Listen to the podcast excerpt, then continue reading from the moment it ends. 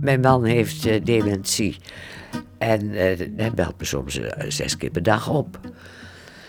waar ben ik? Zit ik in een hotel? Nee, Beer, je zit in een tehuis. Oh, ben ik gek? Nee, Beer, jij hebt geen korte memorie meer. Je liep zo vaak weg en dan moest ik de politie waarschuwen.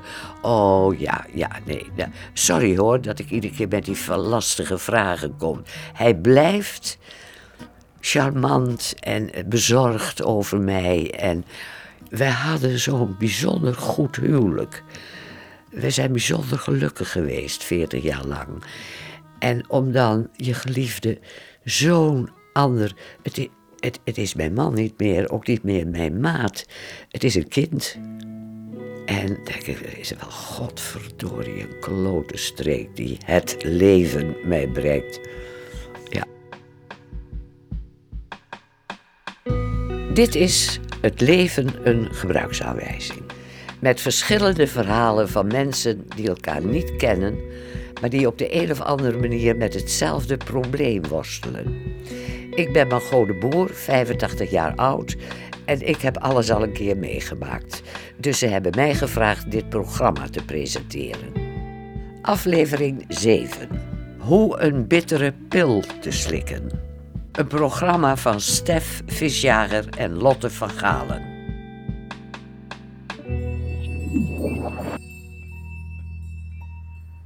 Hij uh, is uh, 1,75 lang, breed geschouderd, uh, hele foute schoenen droeg hij.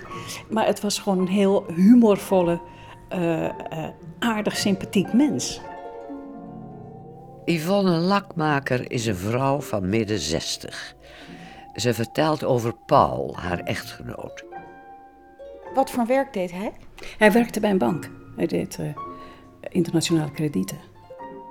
Was je verliefd? Ja, smoor. Vertel eens.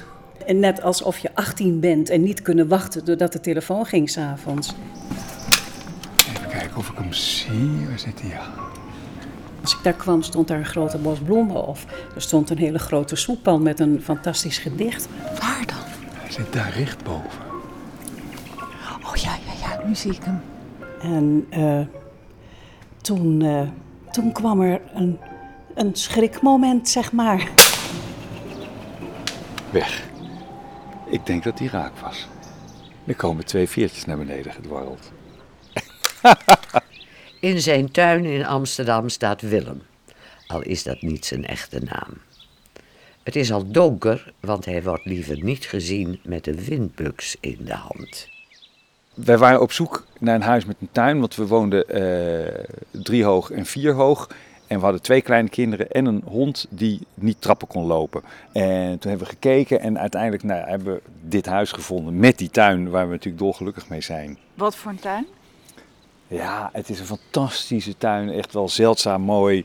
En net op de plek waar zon is, waar wij kunnen zitten. In de boom, exact loodrecht daarboven, daar nestelt een duif. En alles wat we daar neerzetten wordt vies en het stinkt en het plakt. Zo'n irritatie bouwt zich op. En eigenlijk was het vorig jaar toen ik echt helemaal werd ondergescheten, was bij mij echt wel uh, het punt bereikt. Ik denk, ja, maar dit wil ik gewoon niet meer. En duiven zijn honkvast. Dus die komen altijd terug. En die zitten er altijd. Precies op die plek boven ons zonneplekje. Um, ik was een jaar of 18, denk ik. Ja, een jaar of 18. Nu denk ik, ook oh, was heel mooi. Um, maar dat vond ik toen helemaal niet. Was, uh, heel slank, maar dan wel zeg maar in een soort zand, zandloperachtig figuur. En, um, en ik was knetterdepressief en heel erg angstig. Anke Laterveer. Rode haren, rode lippen, brede lach. Van die depressie is op het eerste oog niets meer te zien. Vijftien jaar geleden kreeg ze medicijn voorgeschreven van haar arts. 20 milligram Seroxat. Toen ik eenmaal uh, in die dagtherapie zat, toen hebben ze dat vrij snel opgehoogd naar het dubbele, naar 40 milligram. En toen dat ook niet genoeg werkt, uh, is het opgehoogd naar 60. En dat werkte ook niet genoeg, want ik bleef maar de hele tijd uh, dood willen en angstig zijn. En toen zeiden ze, nou, we, kunnen het ook dan verder naar 80. Maar in de tussentijd was ik met elke 20 milligram ook 20 kilo aangekomen. Dus toen dacht ik, ja, 80 kilo aankomen, uh, dat lijkt me niet. Dus toen zei ik tegen die psychiater uiteindelijk, nou, ik vind dat wel eng, want ik merk dat ik toch wel aankom. En toen zei ze, oh, nou, dan kunnen we je ook Prozac geven, daar is dat niet bij. Dacht ik, nou ja, daar kom je dan nu mee, weet je wel. Toen was ik al verdubbeld in gewicht in een jaar. Uh, we zaten in de huiskamer en uh, koffie gedronken. En uh, van hoe gaat het nu met jou en hoe gaat het nu met mij? Ja. En toen vertelde hij dat hij af en toe behoefte heeft om vrouwenkleren aan te trekken. Ik denk dat ik ook wel een beetje lacherig heb gedaan. Aanvankelijk dacht ik dat hij me in de maling nam. Toen zag ik ook zijn gezicht veranderen. En toen kwam het besef, dit is niet in de maling nemen, dit is heel serieus. En uh, mijn eerste reactie op dat moment was echt, is dat, heeft dat met homofilie te maken? Dus ik vroeg dat, toen zei hij nee, helemaal niet. Ik heb dat altijd gehad. En, uh, maar ik heb het nooit verteld. En jij bent eigenlijk de eerste aan wie ik het vertel. Ik, heb een week lang in mijn huis heen en weer gelopen. En de ene dag was het, ik stop ermee. Ik heb hier helemaal geen zin in. En de andere dag dacht ik, ja, maar ho nou ik hou van hem. En dan kan je toch niet zeggen, alleen jouw linkerarm staan me niet aan of je foute schoenen. Toen ben ik naar een diëtiste gegaan en toen ben ik eh, vier keer in de week naar de sportschool gegaan en er gebeurde eigenlijk maar niks. En de diëtiste zei wel, het klopt ook niet dat je zo zwaar bent als we kijken naar wat je eet. Want je eet eigenlijk heel weinig en wat je eet is gezond. En uiteindelijk ben ik gevraagd om mee te werken aan een onderzoek in het AMC. Uh, maar daar komt toen uit, ja, er is gewoon in jouw hersenen iets veranderd, waardoor jouw lijf denkt dat dit gewoon is.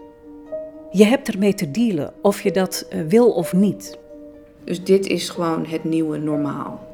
Je hebt de keuze natuurlijk om te zeggen, ik accepteer het niet en je gaat ieder je eigen weg. Maar het feit ligt er en daarin heb je geen keuze.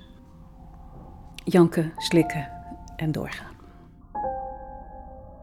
Nou, we hebben natuurlijk een aantal dingen geprobeerd om die duiven te verjagen.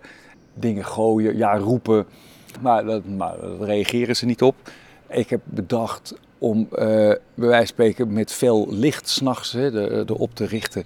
En we hebben op een gegeven moment allemaal bamboestokken met touw aan elkaar gebonden om geprobeerd die duiven weg te jagen. Ja, het punt is, dat is allemaal niet onaangenaam genoeg. Dus dan vliegen ze even weg, maar dan zijn ze, nou ja, de dag daarna zijn ze gewoon weer terug. Ik weet nog wel dat ik een keer in de bus zat, terug van mijn werk. En dat is altijd al een ding, want het is best wel krap. En ik ben niet zo dik dat ik twee uh, zitjes uh, bezet hou. Maar het is wel, als, er, als ik naast iemand zit, dan merk je wel, oh, er zit iemand naast mij. Dus uh, ik zoek altijd een beetje zo de dunste persoon uit om dan naast te gaan zitten. En dat deed ik toen. En toen stond die man op na vijf minuten of zo. En toen zei hij: Ik voel mij verschrikkelijk opgesloten naast u in die bus. En ik moest dus nog 40 minuten in die bus naar huis, want dat was van Amsterdam naar Haarlem. En toen dacht ik wel, mag er nu een gat in de grond en ik daarin. Dat was wel echt een heel erg goed moment. Iedereen heeft er een mening over en iedereen geeft hem. En dat was echt nieuw voor mij. Nou ja, bijvoorbeeld uh, toen mijn dochter geboren was, die lag toen op de couveuse en het was heel spannend of ze het ging redden of niet. En het was echt nou, misschien acht uur na haar geboorte of zo. En toen kwam er een verpleegkundige en die ging mij toen dieettips geven. En ik was een beetje zo aan het mompelen van, nou, ik hoef het op zich niet, uh, dank je, het is wel goed zo. En toen zei ze, ja, maar je hebt zo'n leuk gezichtje, het is zo zonde. En jij vond het een mooie man, vond je het ook een mooie vrouw? Uh, ja, ja. Ja, ik vond het ook een mooie vrouw, ja. Ja. Ik vond dat, uh, dat hij er heel goed uh, uitzag. Heel vrouwelijk. Heel vrouwelijk. Hij vond het heel erg belangrijk. Alles moest bij elkaar kloppen. De kleuren moesten bij elkaar passen. De nagellak, handen, voeten, uh, pruik. Maar er waren natuurlijk dingen waar ik als vrouw natuurlijk ook anders naar keek. Als ik zijn handen zag, dan zag ik zijn handen. Ik vond de nagellak heel mooi. Ik vond het heel mooi verzorgd. Maar het waren mijn mans handen. En uh, dat heeft voor mij een poos geduurd voordat ik dat echt kon zien dat hij als vrouw daar tegenover mij zat. Ik ben toen lid geworden van de obesitasvereniging. En eh, ze hebben van die clubdagen, dat je dan met z'n allen bij elkaar komt. En er was dan een modeshow. Toen dacht ik, nou, als ik dat nou ga doen, dan heb ik die modeshow gedaan met mooie make-up en mooie kleding. En dan kan ik me daarna een soort goed voelen over mezelf. En dat was ook een soort uh, ja, multicolor zakken die we dan aankregen. Dus het zag er helemaal niet mooi uit. Um, de angst uh, van mijn kant uh, was. Uh, blijft dat hierbij? Blijft dat alleen maar met, met bij tijd en wijlen? Of is dan de behoefte dat je iedere dag je jurk aan wil? Dat was wel mijn angst, moet ik zeggen. Maar ik zag hem genieten. Yvonne en Paul zijn bij elkaar gebleven tot zijn dood. In onze relatie moet ik zeggen dat hij uh, zachter en vriendelijker werd. Vriendelijker en, en uh, zachter, echt alsof er 80 kilo van hem uh, afviel. Heel opvallend was dat. Ik ben, ik ben 60 kilo aangekomen van die medicijnen. Ik ben verdubbeld in gewicht. En omdat het niet kwam door mijn manier van eten, zou een maagband of zo ook niet helpen. Dus het voelde ook een beetje als een soort free pass van, nou ja, dit is het dan. Dan kan ik maar beter al mijn energie die ik stak in naar de sportschool gaan steken in met mezelf leren leven. Nou ja, er is nu twee keer zoveel van mij, maar er is, is ook zoveel meer levenslust dat dat echt totaal de moeite waard is.